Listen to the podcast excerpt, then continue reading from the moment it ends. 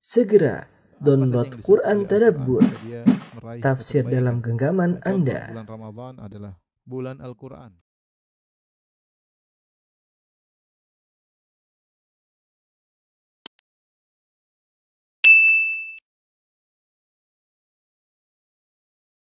Bismillahirrahmanirrahim. Assalamualaikum warahmatullahi wabarakatuh.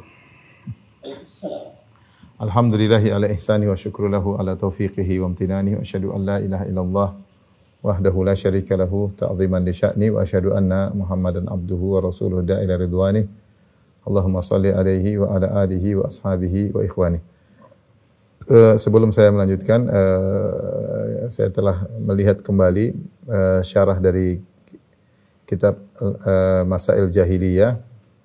Eh, ternyata masih ada eh, kelanjutannya ya. Eh, Syekh Muhammad bin Wahab rahimahullahu taala sampai pada eh, tradisi yang ke-120 sekian ya. Kemarin kita terakhir pada sampai tradisi 100 ke-9 ya dan akhir dari syarah dari Syekh Abdul Razak hafizahullah taala pada pri- tradisi 109. Namun ketika saya lihat syarah yang lain seperti syarah Syekh Saleh Al Fauzan dan juga Syekh Abdullah Al Anqari eh, hafizahumullah maka ternyata masih ada kelanjutannya sampai 120 sekian. Kita lanjutkan ya eh, pengajian kita. Mudah-mudahan kita selesai hari ini. Kalau tidak kita selesaikan masih pertemuan sekali lagi ya.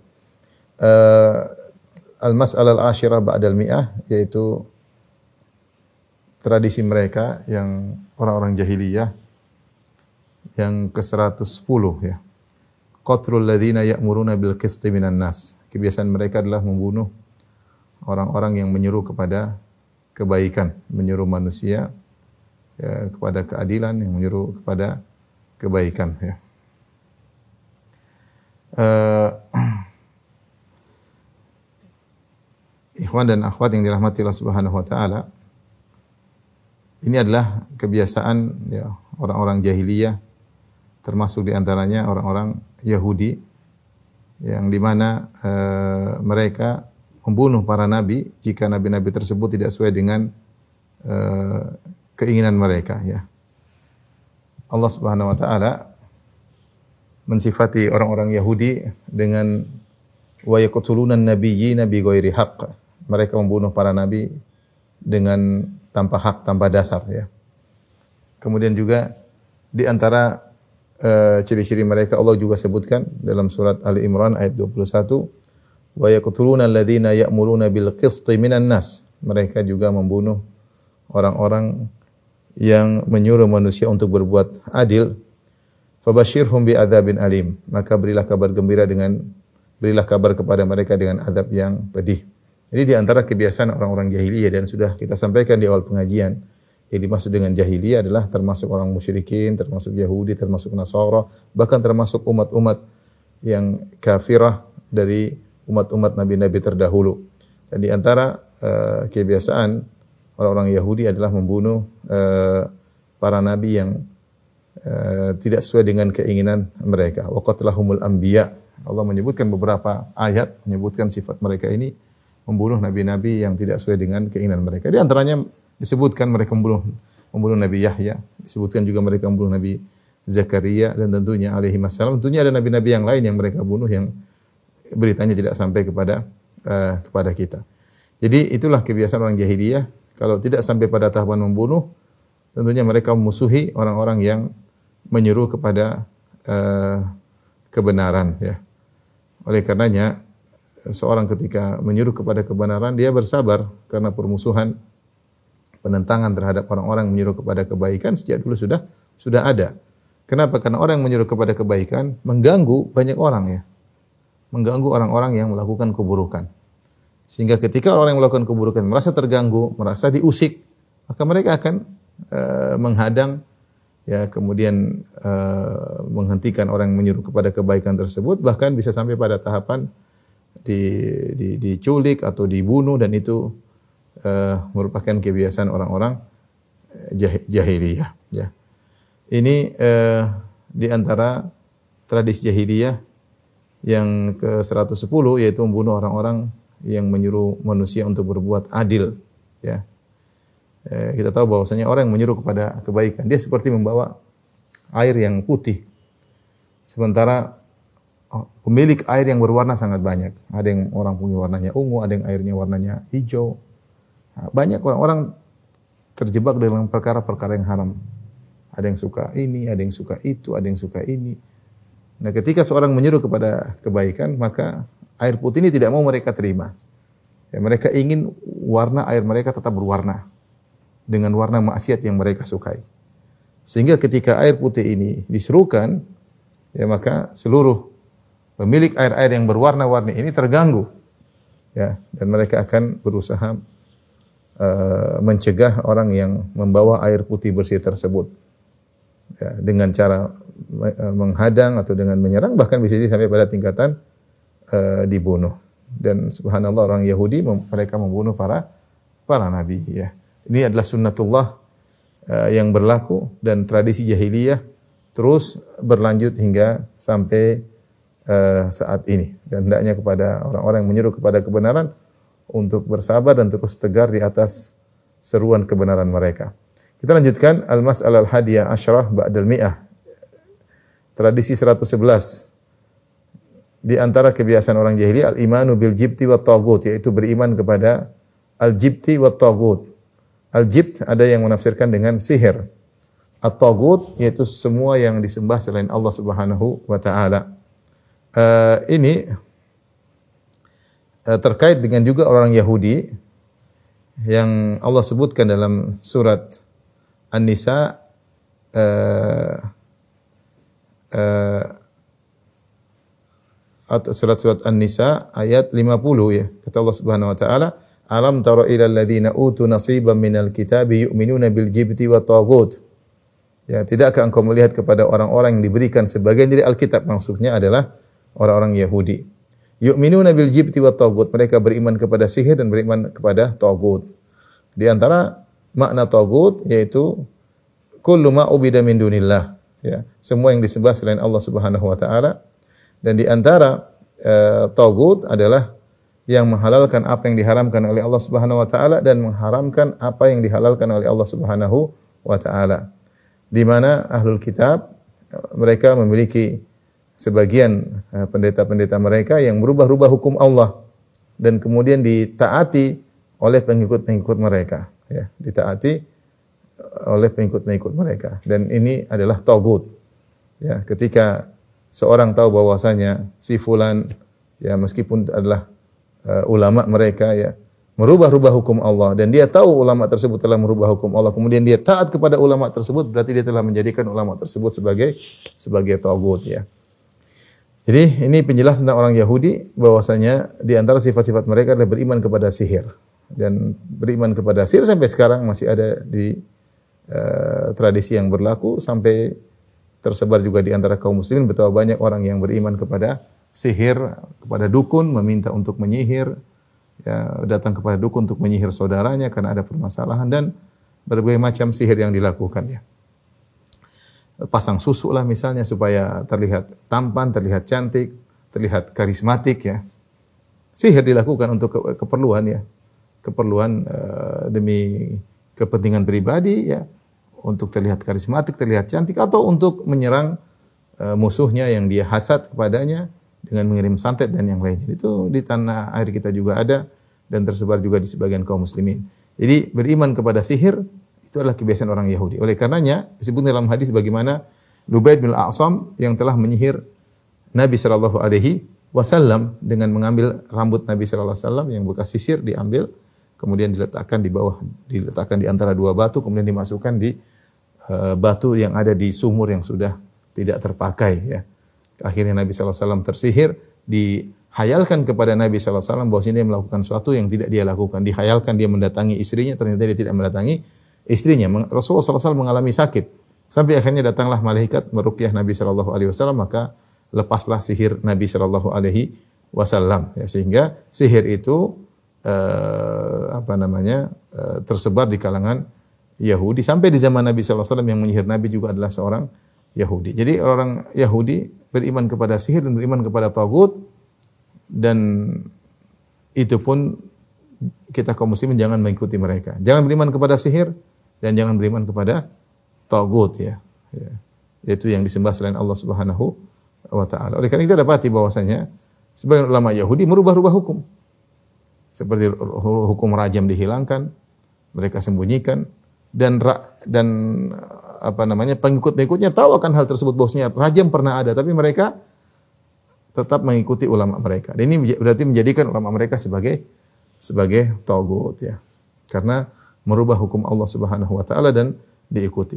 Kemudian yang berikutnya al-mas'alah asyrah uh, uh, saniyat asyrah ba'da mi'ah 112 tafdilu dinil musyrikin ala dinil muslimin. Di antara kebiasaan orang jahiliyah adalah mendahulukan memuliakan uh, agama kaum musyrikin di atas agama kaum muslimin. Ini juga terkait dengan ayat sebelumnya ya karena Allah Subhanahu wa taala berfirman alam tara ilal ladzina utu nasiban minal kitabi yu'minuna bil jibti wat taghut wa yaquluna lil ladzina kafaru haula'i ahda minal ladzina amanu sabila. Tidakkah engkau melihat kepada orang-orang yang diberikan sebagian dari Alkitab yaitu orang Yahudi diberikan Taurat yu'minuna bil jibti wat taghut mereka beriman kepada al-jibt kepada sihir dan kepada tagut yang tadi sudah kita jelaskan. Wa yaquluna lil ladzina kafaru dan mereka berkata kepada orang kafir haula'i ahda minal ladzina amanu sabila. Kalian itu wahai orang musyrikin Arab orang-orang Quraisy lebih baik agama kalian daripada kaum muslimin. Ayat ini ada sebab nuzulnya. Sebab nuzulnya bahwasanya uh, orang-orang Yahudi awalnya ketika mereka tinggal bersama Nabi SAW kan Nabi SAW datang berhijrah dari Mekah menuju Madinah Kemudian di situ ada komunitas, ada komunitas Yahudi, ada komunitas kaum musyrikin, ada komunitas kaum muslimin.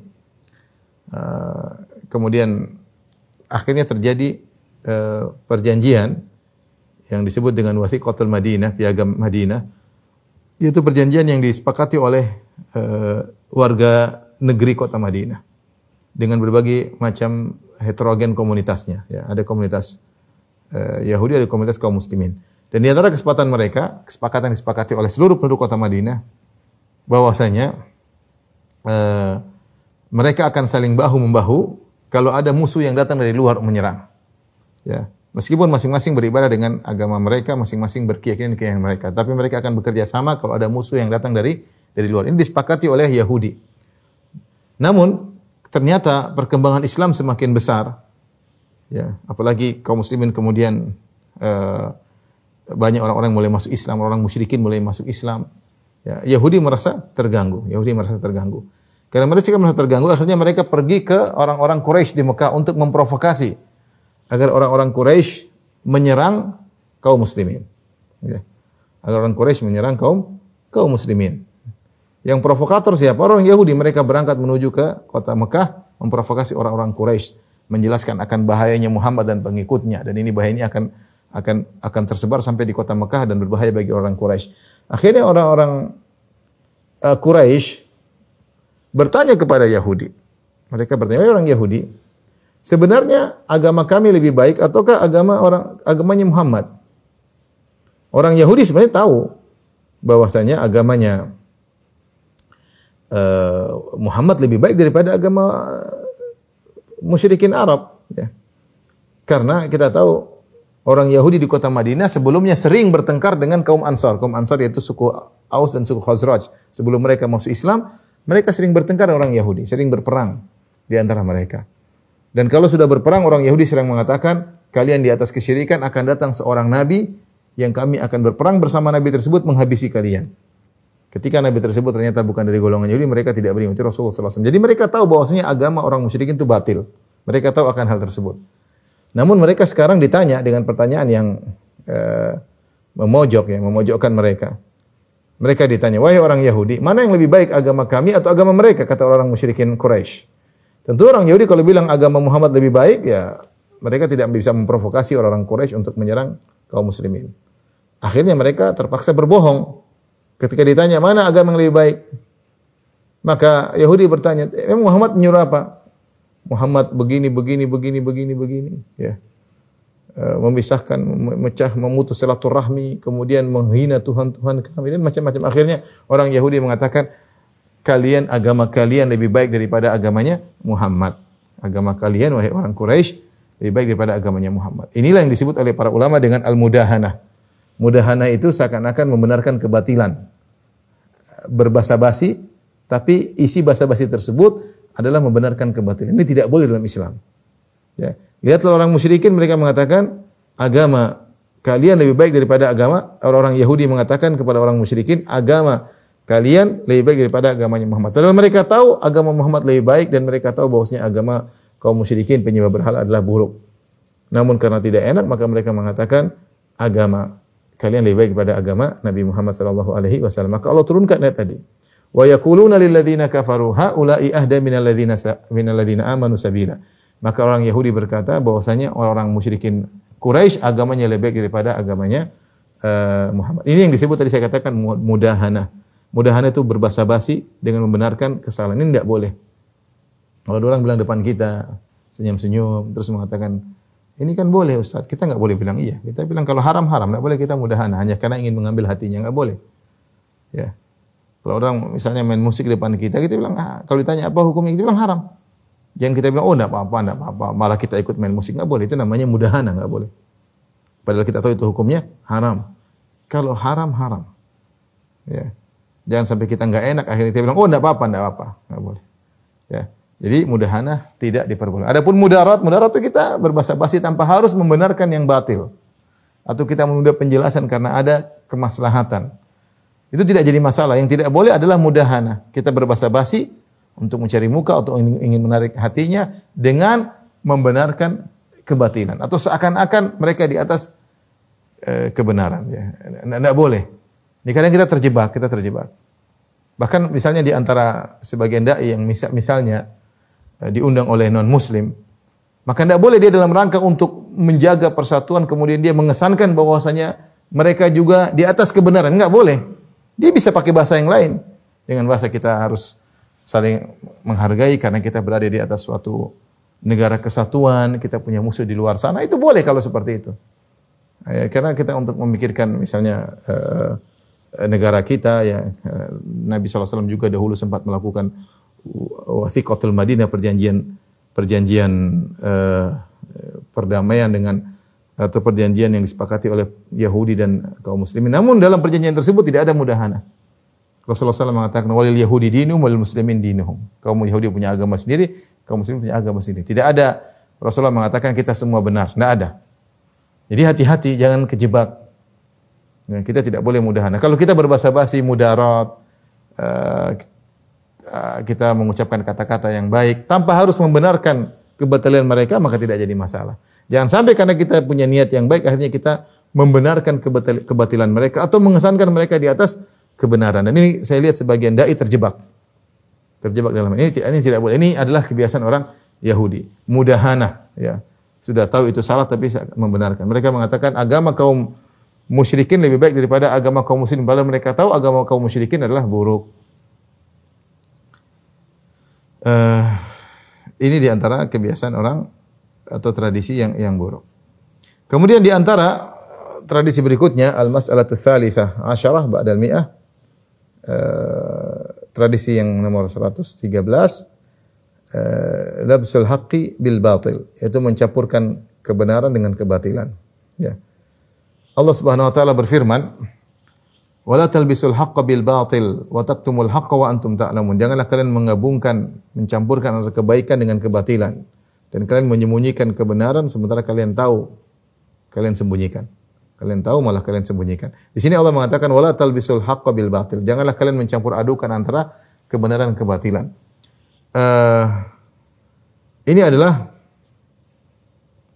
uh, metode yang dilakukan oleh orang-orang musyrikin atau orang Yahudi atau orang munafikin sehingga Allah menegur mereka dalam surat Al-Baqarah Allah mengatakan wala talbisul haqq bil batil. Janganlah kalian mencampur adukan antara uh, kebenaran dengan kebatilan. Kebatilan kalau dia muncul sebagai kebatilan murni, tidak ada yang mau ikut. Tidak ada yang mau ikut. Tetapi kalau kebatilan tersebut dibumbui dengan sedikit kebenaran, maka ini laris. Ini laris. Ya. Apalagi sifat manusia, mereka terkadang terpikat dengan kebenaran tersebut, lupa dengan kebatilan yang ada. Sebagian manusia husnudzan. Seperti contohnya, contohnya yang dilakukan oleh dukun. Dukun eh, dia punya kawan dari setan, kalau dukun asli bukan dukun palsu ya. Benar-benar dukun dia dia punya teman dari kalangan jin dan jin tersebut mencuri berita dari langit, kemudian dia kabarkan kepada dukun tersebut. Kata Nabi SAW, hatta yulqiyaha ala lisani sahir awil kahin. Maka berita yang dicuri oleh jin dari langit diberikan kepada diberitahukan kepada lisannya dukun atau sihir. Kata Nabi SAW, fayakdzibu ma'aha mi'ata. Maka dukun tadi menambah dengan seratus kedustaan. Dia cuma dengar berita tidak jelas, samar-samar. Dia tambah dengan seratus kedustaan. Oleh karenanya dukun asli, kadang kalau meramal, kadang benar, tapi seringnya salah. Mungkin dari seratus ramalan tentang masa depan, satu yang benar, 99 salah. Karena mereka mendengar kabar curian berita tersebut masih samar-samar dan tidak jelas, maka mereka tambah dengan terus kedustaan. Tetapi apa kata Nabi sallallahu alaihi wasallam? Eh, fayuqal alaysa qad qala kada kada wa kada yauma kada wa kada fayusaddaqu bitilkal kalimati allati sumiat nasa minas sama. Akhirnya dukun tersebut pernah meramal sekali benar, kemudian yang lain salah, tapi orang yang diingat oleh masyarakat dukun ini pernah benar kesalahan, 100 kesalahan, ramalan yang pernah dia lakukan tidak pernah diingat. Dukun ini pernah ngeramal benar. Ngeramal berikutnya salah melulu, tidak pernah diingat. Sama seperti pawang hujan misalnya. Mungkin sesekali dia pawang hujan nggak jadi, ya kebetulan. Mungkin dia sudah lihat ramalan cuaca macam-macam, kemudian keluar, ternyata tidak jadi hujan. Tapi selalu sisanya hujan melulu. Tapi orang selalu ingat dia pernah menghalangi hujan. Kebetulan benar itu selalu diingat-ingat oleh masyarakat. Sehingga dia dipanggil terus, dipanggil terus, dipanggil terus. Padahal selalu salah. Selalu selalu tidak eh, bisa ya. Uh, maka demikianlah ketika kebenaran kebatilan dicampur dengan kebenaran sedikit yang masyarakat pandang terkadang kebenaran tersebut yang diingat kebenaran tersebut kebatilan-kebatilan lain di, dilupakan dan demikianlah cara ahlul batil untuk melariskan kebatilan mereka maka dibumbui dengan sedikit kebenaran contoh orang-orang Rafidhah orang-orang Syiah mereka untuk melariskan akidah mereka, mereka bumbui dengan cinta kepada Ahlul Bait. Mereka bumbui dengan membela Ahlul Bait. Sehingga kalau ikut mereka seakan-akan cinta kepada Ahlul Bait, membela Ahlul Bait. Kalau tidak ikut mereka seakan-akan tidak membela Ahlul Bait. Dengan begitu laris. Banyak orang suka. Kenapa? Karena kita cinta Ahlul Bait, kita bela Ahlul Bait. Siapa sih tidak cinta sama keluarga Nabi Shallallahu alaihi wasallam seperti itu? Laris. Contoh seperti uh, orang-orang Khawarij atau orang Mu'tazilah. Orang Khawarij memberontak. Ya, memberontak, mengkafirkan dengan alasan bahwasanya kita beramal ma'ruf nahi mungkar. Sang penguasa telah berbuat kemaksiatan kita kafirkan. Sama dengan orang Mu'tazilah. Mu'tazilah mengatakan wajib untuk melengsarkan pemerintah yang zalim. Mereka mengatakan adalah beramar ma'ruf nahi mungkar. Mereka membumbui perbuatan mereka dan itu diingkari, dilarang oleh Nabi SAW. Tidak boleh memberontak kepada pemerintah selama dia masih muslim, nggak boleh. Kalau dia kafir pun harus dilihat apakah mampu atau tidak untuk memberontak. Tapi kalau dia muslim tidak boleh. Ketika para sahabat mengatakan, "Afala nunabidhum bisayf?" Ya Rasulullah, apakah kita harus mengangkat senjata untuk memerangi pemimpin-pemimpin yang zalim tersebut? Kata Rasulullah SAW, tidak boleh. Masallahu selama mereka masih salat tidak boleh. Dalam riwayat yang lain, illa antara fihim kufr fihim kufran buwahan indakum fihi burhan minallahi burhan. Kalau kau kalian melihat ada kekufuran yang nyata, kau punya dalil bahwasanya mereka kafir, maka boleh dilengserkan dengan paksa jika memang kau punya kemampuan. Tapi kalau selama muslim tidak boleh. Nah orang Mu'tazilah mengatakan kalau ada pemimpin muslim yang zalim di mata mereka, maka harus dilengserkan, maka angkat senjata perang dengan dibumbui dengan ini adalah amar ma'ruf nahi mungkar. Ya, nahi nahi mungkar. Ini contoh. Jadi larislah uh, bid'ah seperti seperti orang-orang yang menolak sifat, orang Mu'tazilah menolak sifat, Jahmiyah menolak sifat. Mu'tazilah menolak sifat-sifat Allah Subhanahu wa taala. Ketika mereka menolak sifat Allah, mereka mengatakan ini adalah tanzih, mensucikan Allah dari sifat-sifat makhluk. Sehingga larislah ketika sedikit dibumbu dengan dibumbu dengan kebaikan al-haq ya, maka jadilah kebatilan tersebut. Laris ini adalah metode orang-orang jahiliyah uh, dahulu. Karena kalau mereka menampilkan kebatilan murni tentu tidak akan ada yang tidak akan ada yang mengimani. Tapi berikutnya al-mas'alah rabi' asyar ba'dal mi'ah. Tradisi uh, 114 ya, menyembunyikan kebenaran padahal mengetahuinya. ya, menyembunyikan kebenaran padahal mengetahui. Ini, adalah- ini adalah tradisi orang-orang Yahudi. Ya. Mereka mengenal Nabi SAW, kata, tapi mereka sembunyikan ilmu mereka tersebut. Ya'rifunahu kama ya'rifuna abna'ahum. Mereka mengetahui Rasulullah SAW sebagaimana mereka mengetahui anak-anak mereka. Sampai Allah gambarkan pengetahuan mereka tentang Nabi luar biasa. Mereka mengetahui Nabi SAW sebagaimana mereka mengetahui anak-anak mereka. Kita kalau punya anak, kita tahu betul anak kita seperti apa, sifat-sifatnya, sifat- sukanya main di mana. Jadi mereka tahu sifat-sifat Nabi. Mereka tahu sifat-sifat fisik Nabi. Sallallahu alaihi wasallam. Mereka tahu Nabi hijrah ke mana. Makanya kalau kita baca tentang kenapa banyak komunitas Yahudi di kota Madinah, Bani Qainuqa, Bani Nadir dan Bani Quraidah karena mereka sedang menanti hijrahnya Nabi tersebut yang mereka nanti nantikan Nabi terakhir. Mereka ingin beriman dengan Nabi tersebut. Mereka tahu akan sifat-sifat Nabi tersebut. Namun kata Allah, "Falamma ja'ahum ma arafu kafaru bih." Ketika datang nabi yang mereka kenal sebagaimana mereka tahu dalam kitab suci mereka, justru mereka kafir kepada nabi tersebut dan mereka sembunyikan. Mereka tidak pernah menampakkan me- me- menguak hal tersebut di hadapan umat bahwasanya sifat-sifat Muhammad ada dalam Taurat. Mereka sembunyikan. Bahkan hampir-hampir sekarang sifat-sifat Nabi Muhammad hampir-hampir dihilangkan dari Taurat, hampir tidak ada. Padahal kita aja kan pernah ada. Karena Allah sudah sebutkan bahwasanya Nabi Muhammad SAW disebutkan dalam Taurat dan Injil. Bahkan bukan cuma Nabi, bahkan sifat-sifat para sahabat disebutkan sahabat Nabi SAW disebut dalam dalam Taurat dan dan Injil ya. Allah sebutkan dalam surat eh, di akhir surat Al- Al-Fatah ya. Taib, eh, di antaranya seperti orang Yahudi, mereka merubah hukum rajam. Kalau ada yang berzina di antara mereka, mereka tidak rajam, tapi mereka arak orang tersebut, laki-laki dan perempuan diarak, dibalik, wajahnya di pantat himar, kemudian belakangnya jadi dibalik. Jadi misalnya himar, maka wajahnya dibalik, wajahnya di pantat, kemudian pantatnya orang tersebut atau bokong yang tersebut ke arah kepala himar. Kemudian diarak dikasih hitam-hitam, dipermalukan. Ya. Hal ini mereka lakukan kenapa? Ketika ternyata yang berzina adalah ashraf, orang-orang mulia di antara mereka. Ketika orang miskin yang berzina, mereka tegakkan rajam. Namun ketika yang melakukan zina adalah orang-orang tokoh di antara mereka, akhirnya para pendeta itu dibayar. Mereka dibayar, ya, sehingga mereka menjual ayat-ayat Allah Subhanahu Wa Taala. Mereka sembunyikan ayat tentang rajam dalam Taurat. Akhirnya hukum orang berzina dirubah, tidak lagi dirajam, tapi cuma diarak, dipermalukan. Ya, diarak dan dipermalukan. Ini mereka menyembunyikan ayat tentang rajam. Makanya ketika orang-orang Yahudi eh, suatu saat kejadian lagi zina dan mereka tahu Nabi Muhammad SAW kata mereka coba kita ke nabinya orang Arab. Mereka tahu Nabi Muhammad seorang nabi wasallam. Kata mereka dia adalah nabi yang penuh dengan rahmat. Dia membawa hukum-hukum tidak keras seperti kita. Jadi mereka menyangka mereka berharap Nabi SAW memberi keputusan bagi orang yang berzina bukan bukan rajam. Akhirnya mereka datang kepada Nabi. Kemudian eh, Nabi SAW eh, akhirnya menyuruh mereka menghadirkan Taurat. Mereka menyuruh mereka menghadirkan Taurat. Kemudian Nabi suruh baca dalam ayat-ayat dalam Taurat tentang orang berzina. Rupanya di antara mereka ada yang menutup ayat kemudian dia baca dengan diloncat. Situ adalah ada Abdullah bin Salam salah seorang ulama Yahudi yang masuk Islam. Kata dia, "Coba angkat tanganmu." Angkat tangan ternyata ada ayat tentang rajam. Jadi mereka sembunyikan. Mereka sembunyikan ayat-ayat eh, padahal mereka mengetahuinya. Oleh karena di antara tradisi orang-orang jahili adalah menyembunyikan eh, ayat-ayat eh, men- menyembunyikan kebenaran padahal mereka tahu tentang kebenaran tersebut dan ini adalah dosa besar ya.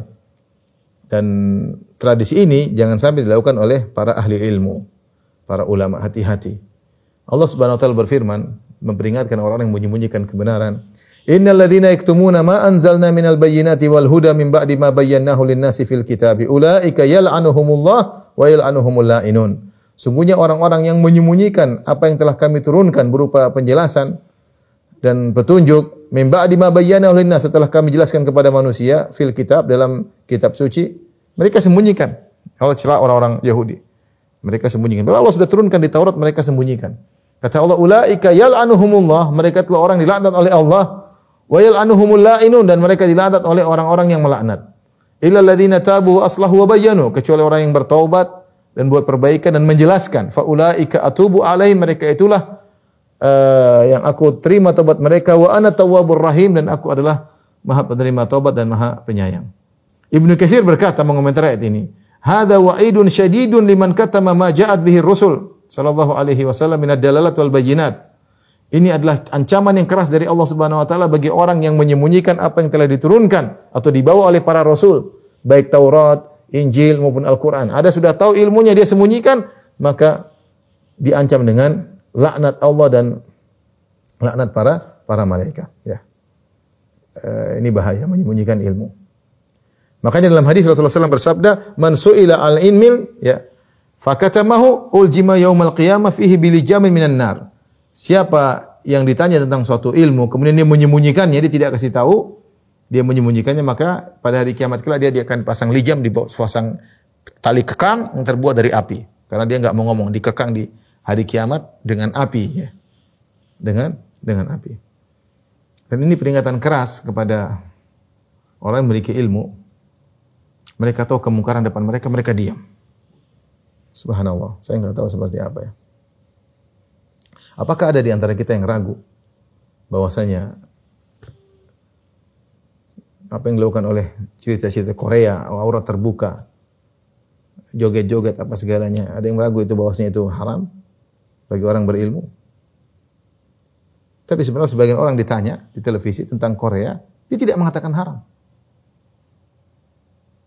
Malah seakan-akan tidak jadi masalah.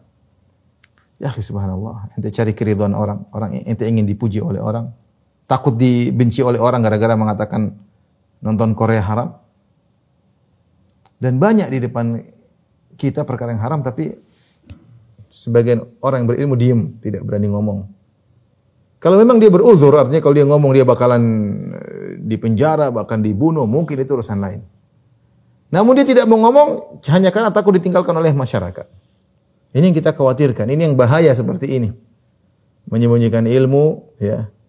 Padahal dia tahu itu hukumnya hanya karena mencari keridhaan manusia. Justru sebaliknya, carilah keridhaan Allah dengan kemurkaan manusia. Jelaskan. Orang marah biarin aja. Ini hukum Allah seperti ini. Hukumnya haram, hukumnya bid'ah, hukumnya syirik. Sampaikan. Dengan cara yang baik. Oh terima, terima. Enggak, enggak. Tapi jangan kau sembunyikan. Kalau sudah tahu hukumnya, kau sembunyikan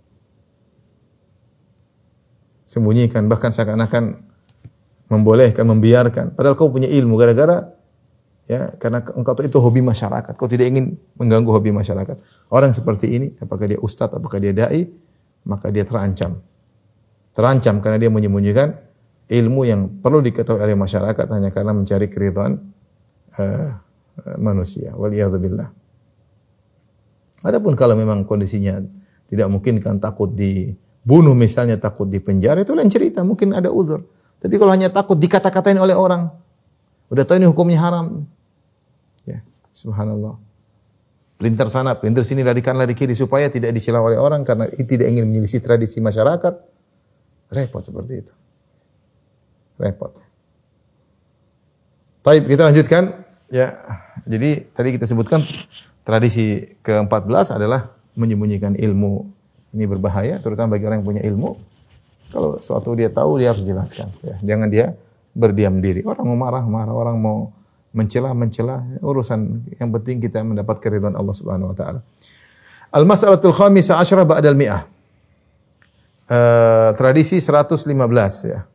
Qaidatul dhalal wa hiyal qaul 'ala Allah bila ilmin. Asas dari segala kesesatan yaitu berbicara tentang Allah tanpa ilmu. Ini tradisi yang sangat berbahaya. Berbicara tanpa tanpa ilmu ya. Berbicara tanpa tanpa ilmu ya. Uh, dan tentunya ini terkait dengan agama ya. Allah Subhanahu wa taala menyebutkan tentang bicara tapi berbahaya kata Allah Qul inna ma harrama rabbi al fawahisha ma dhahara minha wa batan wal ithma wal baghya wa an tusyriku billahi ma lam yunzil bihi sultanan wa an taqulu 'ala Allahi ma la ta'lamun. Kata Allah sungguhnya Allah Allah hanyalah mengharamkan al-fawahish ya perbuatan-perbuatan keji ya. Kul in kul inna ma harrama rabbi al-fawahisha ma dhahara ma batan baik perbuatan keji yang nampak maupun perbuatan keji yang tersembunyi wal itsmu wal baghy Allah mengharamkan dosa dan Allah mengharamkan berbuat zalim ya wa an tusyriku billahi ma lam yunzil bihi sultanan Allah mengharamkan kesyirikan kemudian di akhir Allah berkata wa an taqulu 'ala Allahi ma la ta'lamun dan kau berkata tentang Allah yang kau tidak punya ilmu tentangnya seorang jangan nekat untuk berbicara tentang agama. Kalau tidak tahu bilang wallahu a'lam, jangan nekat. Jangan nekat. Yang menjadikan kerusakan adalah orang hobi untuk berbicara. Hobi tasaddur, hobi ingin muncul. Hobi ingin punya followers. Hobi, hobi ingin punya channel. Kemudian dia berbicara tentang agama tanpa ilmu. Apalagi ditanya kemudian berbicara menjawab tanpa tanpa ilmu. Sebenarnya sebagian orang kita lihat tidak tahu bahasa Arab. Tidak tahu bahasa Arab. Kemudian berani ceramah ke mana, ke sana kemari. Sayanglah dirimu, ya akhi. Sayanglah dirimu. Jadilah motivator. Motivator oke, okay, tapi jangan bicara agama. Bicara agama berikan kepada ahlinya. Ya. Berikan kepada ahlinya. Kalau tidak akan repot pada hari kiamat kelak. Ya. Kalau seorang aja seperti saya misalnya, saya mau bicara tentang kedokteran, saya nggak berani. Di kedokteran ada disiplin ilmu tersendiri, seorang tidak bisa berbicara, kasih resep kecuali orang-orang yang ahli, yang sudah belajar bertahun-tahun, yang tahu tentang ilmu kimia, ilmu biologi, ilmu uh, obat-obatan, ngerti, baru dia berbicara. Ada pun kalau tidak pernah belajar gimana bicara? Saya masuk bicara tanya tentang urologi saya bicara, saya gak berani. Saya ini siapa? Saya nol di dalam ilmu uro urologi. Saya nggak bisa. Ya. Ini orang kalau sudah bicara agama ngomong, ngomong. Yang penting, oh bahasa Arab aja nggak bisa. Baca Al-Fatihah aja nggak beres. Baca Al-Fatihah nggak beres. Terus bicara ke sana kemari. Yang penting ceramahnya lucu, yang penting ceramahnya menarik, yang penting menyenangkan pendengar, yang penting memuaskan pendengar. Jangan, hati-hati, sayangilah dirimu. Ya, di antara dosa besar adalah berbicara tentang Allah tanpa ilmu. Bicara tentang Allah tanpa tanpa ilmu. Dulu di, di kota Madinah ada seorang fakih Madinah, gurunya Imam Malik namanya Rabi'ah Rai. Rabi'ah dia menangis. Ada seorang datang masuk ke rumahnya dan dia dalam kondisi menangis. Maka orang itu bertanya, Amusibatun dakhalat alaik, apakah kau terkena musibah sehingga kau menangis? Kata dia, la, bukan. Terus kenapa anda menangis, wahai sang fakih, orang yang fakih? Kata dia, laqad ustuftiya man la ilma lahu. Sekarang sudah ada orang yang jadi tempat bertanya yang tidak punya ilmu. Tidak punya ilmu ditanya-tanya, diminta fatwa. Ya. Itu yang buat dia menangis. Karena bicara tentang agama berbahaya kalau tidak punya ilmu. Sehingga akhirnya timbul orang-orang yang berani bicara tentang agama. Satu pemusik bicara agama, satu tukang dangdutan bicara agama, satu pelawak bicara agama, ya. satu politikus bicara agama. Ya, biarkan agama kepada pakar-pakarnya. Ya. Kita saja nggak berani bicara tentang kedokteran. Pelawak bicara kedokteran, kita nggak kita nggak gimana pelawak bicara kedokteran. Ya. Ada pelawak kemudian masuk dalam ruang operasi, ikut operasi, politikus ikut masuk dalam ruang operasi kok operasi. Ini yang, yang berhak operasi dokter yang ahli operasi. Kalau kita saja operasi kita bilang nggak boleh kecuali ahlinya. Ustadz aja mau operasi kita eh, Ustadz meskipun dokter profesor bidang agama mau ikut operasi, eh nggak boleh, kamu bukan bidangmu. Ini kita bicara tentang ranah syariat. Tapi Ibnu Qayyim punya bukunya Al-Muwaqqi'una Rabbil Alamin. I'lamul Muwaqqi'in an Rabbil Alamin. Al-muwaqqi'in itu ulama yang seakan-akan dia bertanda tangan atas nama Allah Subhanahu Bahaya. Bicara harus pakai dalil, nggak boleh pakai perasaan, nggak boleh pakai logika tanpa dalil, bahaya. Orang kalau tidak punya database gimana berbicara? Antum kalau dokter kan dokter urologi bicara kan ada database-nya.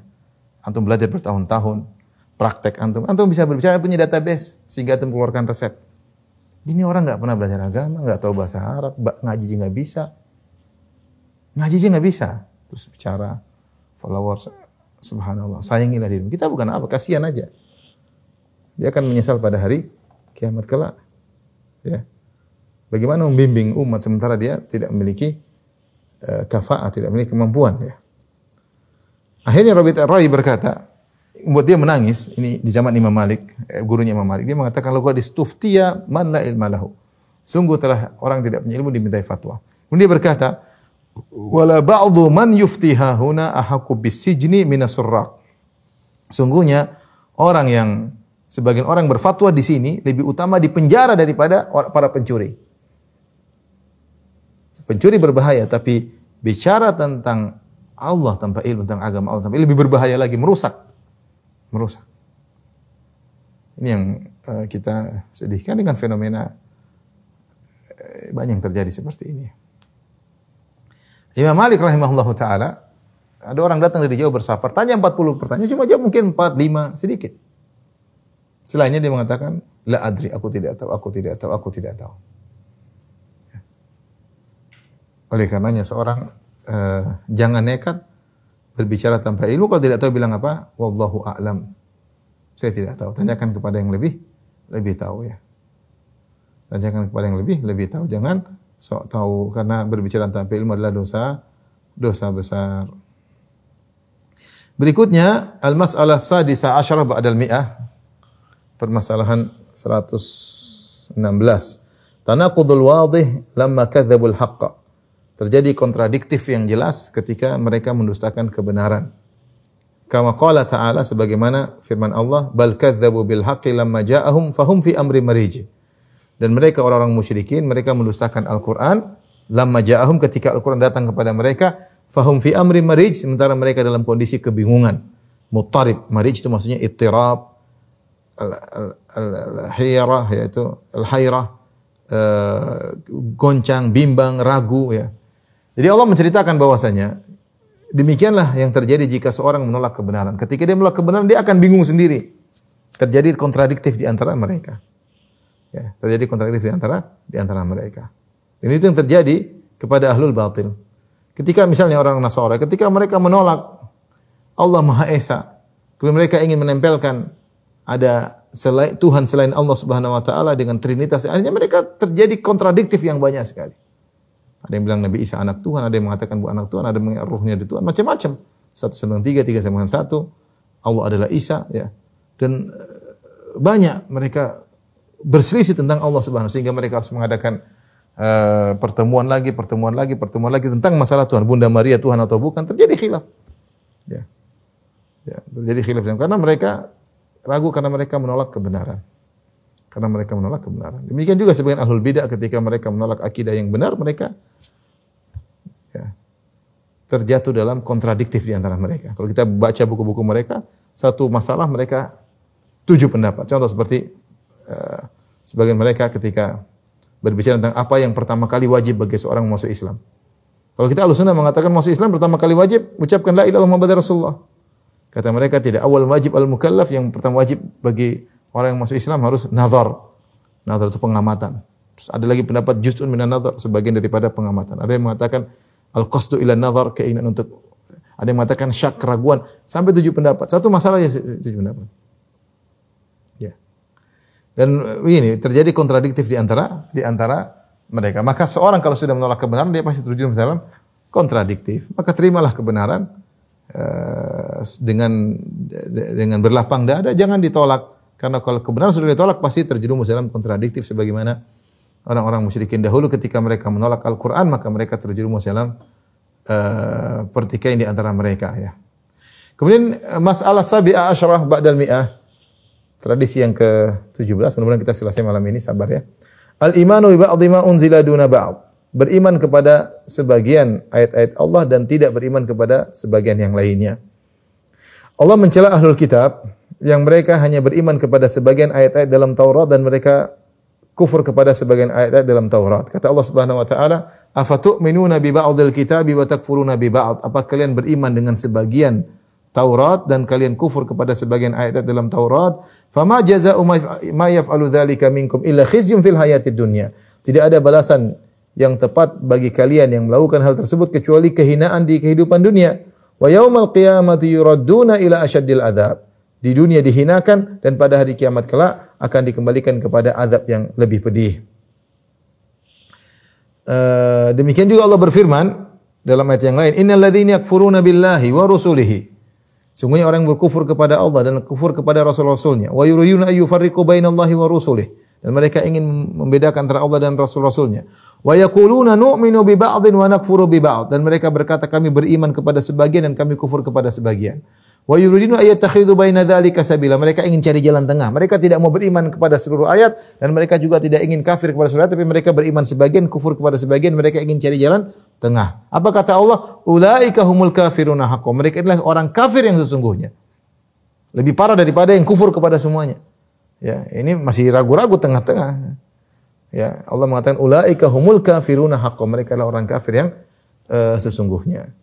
Ini tidak boleh, ya, karena ini kekufuran. Ini kebiasaan orang Yahudi beriman pada sebagian ayat, dan menolak sebagian ayat. Kita orang Islam beriman kepada seluruh ayat, beriman kepada syariat.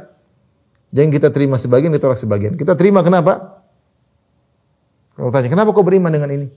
Kau beriman bahwasanya sholat lima waktu wajib. Karena ini perintah Allah.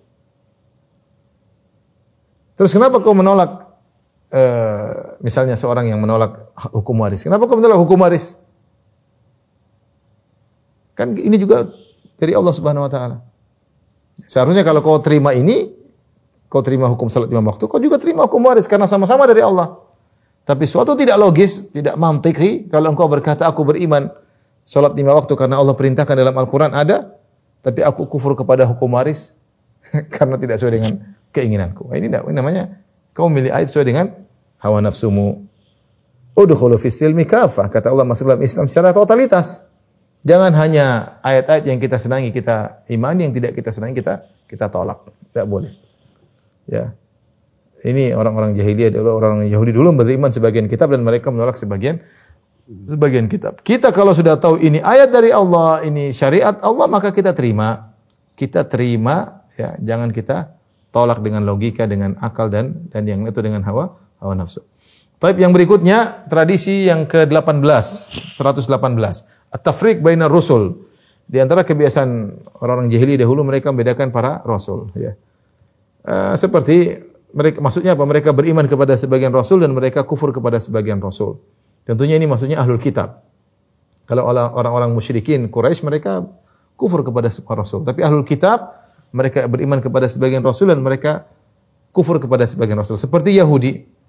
Yahudi beriman kepada uh, Nabi Musa namun mereka kufur kepada Nabi Isa dan kufur kepada Nabi Muhammad SAW.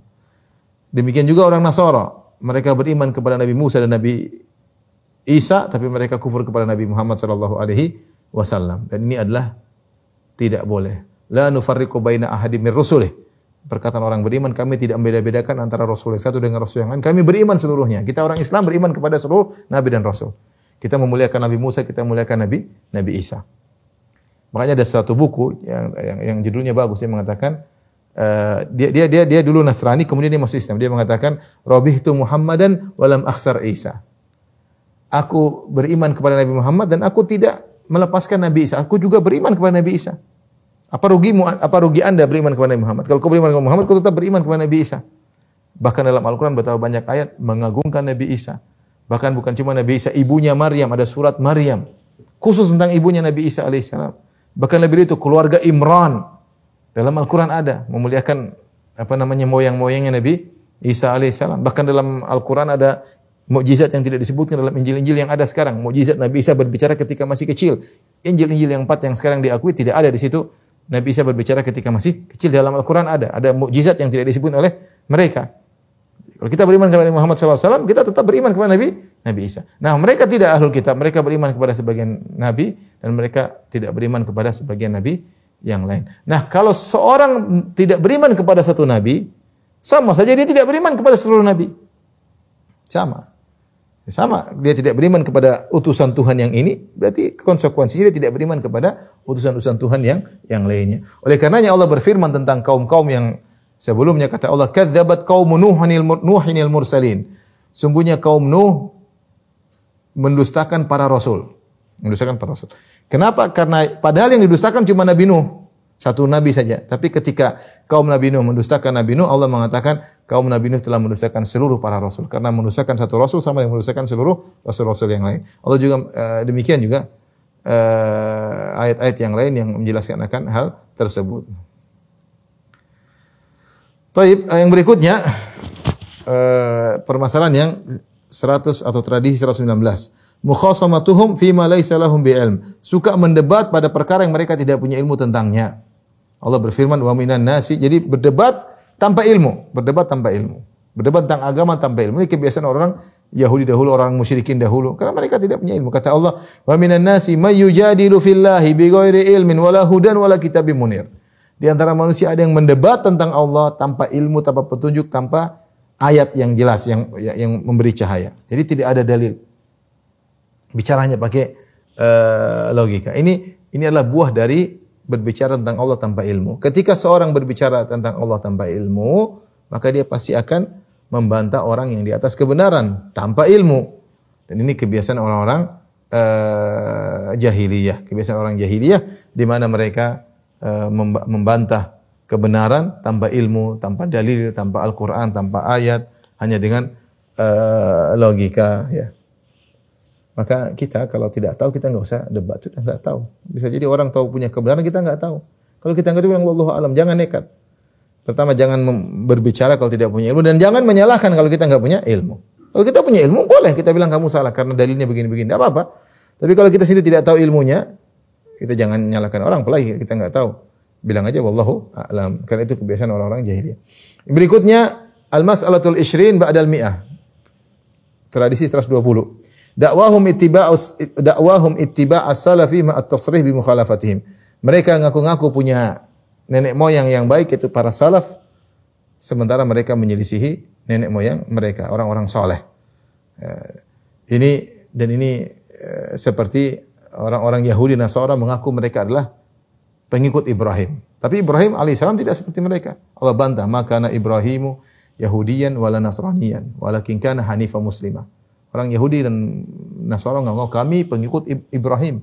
Kami Ibrahimiyah. Allah bantah, maka na Ibrahimu Yahudiyan. Ibrahim bukan Yahudi. Wala Nasraniyan. Walakin kana hanifan. Tapi dia adalah seorang yang condong kepada tauhid jauh daripada kesyirikan. Ya, wa ma kana minal musyrikin dan bukan termasuk orang musyrik. Ini contoh ngaku-ngaku punya salaf yang baik Ibrahim tapi tapi mereka menyelisih. Yang ngaku-ngaku salafnya Ibrahim atau nenek moyang mereka yang soleh adalah Ibrahim adalah tiga, tiga kelompok yaitu Yahudi, Nasara dan orang musyrikin. Karena mereka semua keturunan Nabi Ibrahim. Yahudi Nasara semua keturunan Ishak uh, Ishak bin Yakub ya. Apa namanya Yakub bin Ishak, semuanya keturunan Yakub bin Ishak ya. Semua dari jalur Yakub bin Ishak bin Ibrahim. Adapun orang-orang Quraisy itu Abu Jahal, Abu Lahab dan yang lainnya semua keturunan Ismail bin Ibrahim. Jadi tiga-tiganya ini ngaku-ngaku nenek moyang kami Ibrahim. Tapi Allah bantah mereka semua. Ibrahim tidak Yahudi, tidak Nasrani, tidak musyrik, tapi dia Hanif Muslim. Maka na Ibrahimu Yahudiyan, Ibrahim bukan Yahudi, wala Nasraniyan, walakin kana hanifan tapi dia adalah Islam dan jauh dari kesyirikan wa ma kana minal musyrikin dan dia bukan orang musyrik. Jadi banyak orang mengaku punya punya pendahulu yang baik tapi ternyata perbuatan mereka menyelisih pendahulu mereka. Contoh nyata seperti sebagian orang ngaku-ngaku mengikuti madhab Syafi'i. Tapi menyelisih ajaran Syafi'i. Ajaran Syafi'i begini tidak boleh, tidak boleh mereka selisih. Kita buka buku-buku Imam Syafi'i, Imam Syafi'i. Misalnya mengharamkan musik, mereka membolehkan apa? Musik madhab syafi'i uh, menyatakan cadar sunnah. Bahkan sebagian mereka mengatakan wajib dalam madhab syafi'i. Mereka malah menghina cadar. Imam Syafi'i mengatakan, Imam Syafi'i eh, meninggalkan Baghdad gara-gara ada orang yang main alat-alat musik memalingkan orang dari Al-Quran. Justru sekarang orang malah menjadikan main musik sebagai sarana untuk dakwah dan macam. Ini menyelisih. Belum masalah akidah ya. Imam Syafi'i mengatakan tidak boleh takziah lebih dari tiga hari. Karena itu bisa menimbulkan kesedihan yang lebih banyak. Mereka justru bikin acara sampai 7, 40 dan seterusnya. Menyelisih madhab syafi'i. Ya. Dan seperti itu ya. ya. Sebagian mereka mengaku kami pengikut madhab Abu Hasan al-Asy'ari. Kita buka buku Abu Hasan al-Asy'ari, bukunya Maqalatul Islamiyin, Ibanah al-Ibanah al Diyanah. Kemudian kita buka bukunya Risalah al-Thaqar, kita buku Uluma Firat al-Halil Bidah, ternyata isinya tidak sama dengan orang-orang yang ngaku mengikuti madhab Abu Hasan Asy'ari. Beda sekali, beda banget. Jadi ngaku-ngaku ya, tapi ngaku-ngaku tapi ternyata berbeda dengan yang mereka nisbahkan kepada uh, orang tersebut. Ngaku-ngaku pengikut Abu Hasan Asy'ari ternyata akidah mereka tidak sama seperti Abu Hasan Al Asy'ari uh, rahimahullahu taala. Ya. Sama seperti orang-orang Rafidah mengaku kami ada pengikut Ahlul Bait. Ahlul Bait tidak seperti mereka. Mereka sekarang mengkafirkan para sahabat, sementara Ahlul Bait tidak. Lihat bagaimana ruhama ubainum kasih sayang di antara Ahlul Bait dengan para sahabat. Umar menikah dengan putrinya uh, putrinya Ali bin Abi Thalib. Umar itu adalah mantunya Ali bin Abi Thalib. Umar menikah dengan putrinya Ali yaitu Ummu Kulthum, anaknya Fatimah. Ummu Kulthum punya anak namanya Zaid bin Umar. Subhanallah. Bagaimana mereka mengatakan seakan-akan uh, bermusuhan. Bagaimana uh, Abu Bakar pernah menggendong Hasan di depan Ali bin Abi Thalib. Kemudian Abu Bakar ter, bercanda mengatakan syabihun bin Nabi la syabihun bi Ali. Kata Abu Bakar, wahai Ali, anakmu Hasan ini mirip Nabi, tidak mirip dengan engkau. Fadhahika Ali. Ali tertawa. Tabassama wa dhahik. Tertawa di depan Abu Bakar. Abu Bakar mengatakan, La karabatu Rasulullah SAW ahabbu ilai an asil min karabati. Aku lebih suka menyambung kerabat Nabi daripada kerabatku sendiri. Subhanallah. Lihat bagaimana ketika Abu Bakar menjadi uh, khalifah. Bagaimana Ahlul Bait Ali bin Abi Thalib tunduk kepada Abu Bakar. Bagaimana Umar ketika menjadi khalifah. Ali bin Abi Thalib juga tunduk. Sampai Umar pilih enam orang. Salah satu harus jadi. Di antaranya Ali bin Abi Thalib. Dan Ali bin Abi tidak pernah protes. Bagaimana ketika uh, Umar bin Khattab sakit keras dan akan meninggal. Ali bin Abi Thalib datang. Kemudian uh, memuji-muji Umar dia mengatakan betapa sering aku mendengar Rasulullah SAW berkata, "Kharajtu ana wa Abu Bakar wa Umar." Aku keluar bersama Abu Bakar dan Umar. Aku masuk suatu negeri bersama Abu Bakar dan Umar. Betapa banyak Nabi ngomong begitu. Ali, Ali memuji. Ketika Muhammad bin Hanafiyah anaknya Ali bin Abi Thalib bertanya, "Ya ayahanda, siapa orang terbaik?" Dia mengatakan terbaik Abu Bakar. Kemudian siapa? Kemudian Umar. Kemudian siapa? Engkau wahai ayahanda? Kata Ali bin Abi Thalib, abuka innama rajulun min rijal rijal rijal muslimin. Aku hanya seorang laki di antara orang-orang yang lain. Tapi dia mengakui bagaimana kemudian Abu Bakar dan Umar. Sementara uh, Rafidah mencaci maki mengkafirkan Abu Bakar dan Umar, mereka tidak sama dengan nenek moyang mereka. Orang Rafidah sekarang penyembah kubur, kuburan Husain, kuburan Ali di disembah-sembah ya ditinggikan besar-besar ke kuburannya Khomeini besar kayak apa? Besar kayak apa? Sementara dalam Sahih Muslim Rasulullah pernah menugaskan Ali bin Abi Thalib untuk meratakan kuburan. Kata Ali bin Abi Thalib kepada Abu Hayyaj Al-Asadi, "Ala aba'athuka ala ma ba'athin Rasulullah sallam alla tada' timsalan illa tamastahu wala qabran musyrifan illa sawaitahu." Maukah aku tugaskan engkau sebagaimana Nabi pernah menugaskan aku, yaitu Ali bin Abi Thalib. Nabi pernah menugaskan Ali bin Abi Thalib Nabi pernah menugaskan aku kata Ali, Nabi pernah menugaskan aku, jangan kau biarkan ada patung kecuali kau hancurkan dan jangan kau biarkan ada kuburan tinggi kecuali kau ratakan. Ya Rafidah enggak, justru meninggalkan kuburan ikut ngaku-ngaku pencinta Ahlul Bait, ngaku dan moyang Ahlul Bait tapi mereka tidak sama dengan Ahlul Bait. Jadi betapa sering sebagaimana orang jahiliyah mengaku keturunan Ibrahim punya salaf yang baik tapi ternyata mereka menyelisihi Ibrahim Nabi Ibrahim alaihissalam. Sama seperti orang eh, apa namanya? Uh, misalnya orang-orang Masihi, kami adalah Masihi, pengikut Al-Masih, tapi ternyata tidak sama dengan ajaran Al-Masih. Taib uh, yang tradisi yang 121 Sadduhum an sabilillah wa maman amana bihi yaitu bahwasanya mereka dulu orang-orang jahiliyah menghalangi orang dari jalan Allah dan menghalangi orang-orang yang beriman kepada kepada Allah Subhanahu wa taala. Kebiasaan mereka, mereka bahkan mereka kata Allah innal ladzina kafaru yunfiquna amwalahum liyasuddu an sabilillah. Sungguhnya orang kafir mereka berinfak untuk menghalangi orang dari Allah. Kebiasaan mereka. Bagaimana orang-orang eh, Quraisy ketika ingin menyerang Nabi SAW, mereka kumpulkan uang sebanyak-banyaknya dan mereka ingin menghalangi orang dari dari Islam. Sebagaimana kisah Nabi Shu'aib, kalau ada orang datang ingin datang ikut pengajian Nabi Shu'aib maka mereka halangi mereka pergi sana jangan dengan orang-orang kampung lain disuruh pergi jangan ya jadi kita tahu bahwasanya di sana ada orang jahiliyah yang dahulu mereka mengorbankan harta mereka untuk menghalangi orang dari Islam. Dan sekarang juga demikian. Ada orang mengeluarkan uang mungkin triliunan untuk menghalangi orang dari mengenal Islam. Membuat citra Islam tidak baik menggambarkan Islam tidak baik. Tapi Allah Subhanahu wa taala yang akan memenangkan agamanya ya. Dan kalau ada orang menghalangi orang dari jalan Allah, sungguhnya mereka hanya mengikuti tradisi orang jahiliyah. Kemudian uh, yang ke-122 mawaddatul kufur wal kafirin ya. Yaitu suka dengan kekufuran dan suka dengan orang kafir ya. Cinta kepada kekufuran, suka dengan kufuran, suka kufuran tersebar. Ini seperti orang liberal, oh, semua sama, semua benar, agama semua benar, agama semua baik, agama semua mengantarkan pada surga. Ini nggak boleh seperti itu. Saya bilang semua agama mengantarkan pada surga. Ini tidak benar. Ini kekufuran. Bagaimana kesyirikan mengantarkan kepada surga. Orang mukmin benci kepada kekufuran. Kata Allah, "Walakinna Allah habbaba ilaikumul imana wa zayyanahu fi qulubikum." dalam surat Al-Hujurat, tapi Allah menjadikan kalian cinta dengan iman dan Allah hiaskan iman dalam hati kalian. Wa karraha ilaikumul kufra wal fusuqa wal isyan dan Allah menjadikan kalian benci dengan kekufuran, benci dengan kemaksiatan, benci dengan kefasikan. Ulaika humur rasyidun. Mereka adalah orang-orang yang mendapat petunjuk. Adalah tradisi jahiliyah suka dengan maksiat, suka dengan kefasikan, suka dengan kekufuran bahkan. Suka. Lebih senang dengan orang kafir daripada orang Islam. Lebih dekat dengan orang kafir, tidak suka dengan orang Islam. Ini apa ini sebenarnya? Ini tradisi jahiliyah. Kata Allah, "La tajidu qauman yu'minuna billahi wal yawmil akhir yuwadduna man hadallaha wa rasulah walau kanu aba'ahum aw abna'ahum aw ikhwanahum aw ashiratahum."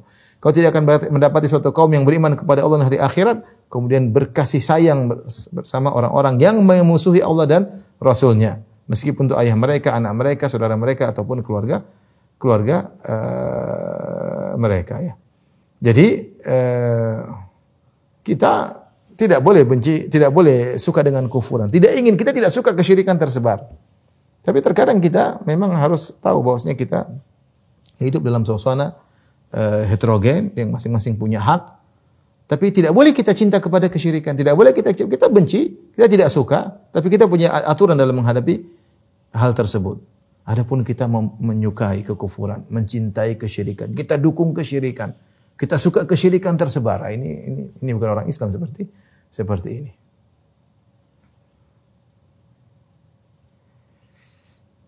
Taib yang terakhir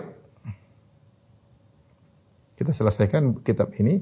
Al-mas'alatu الثالثة والعشرون بعد المئة والرابعة والخامسة والسادسة والسابعة والثامنة والتاسعة والعشرون Eh, ba'dal mi'ah ya. Jadi eh, permasalahan 23, 24, 25, 123, 124, 125, 126, 127, 128, 129. Beliau sebutkan banyak perkara digabungkan dalam satu tradisi yaitu al-iyafah wa tarq wa tiyarah ya wal kahana wa tahakkum ila tagut wa qahr wa tazwij bainal aidain. Ini adalah masalah-masalah yang maknanya mirip ya. Di antaranya adalah uh, al-iyafah wa tayrah ya atau tiarah. Wal iyafa wa tiara ya. Ini dua perkara tapi maknanya mirip itu adalah zajrut tayr. Zajrut tayr inilah terkait dengan masalah uh, apa namanya? at-tiara atau tatoyur. Orang-orang Arab dahulu ketika mereka hendak pergi, mereka mengusir suatu burung, burung tertentu, mereka datangi, mereka usir. Kalau burungnya terbang ke kanan, maka mereka melanjutkan perjalanan. Kalau burungnya terbang kiri, mereka nggak jadi melakukan perjalanan. Ini uh, masalah tatoyur, ini syirik ya. Dan sebagian orang zaman sekarang juga melakukannya.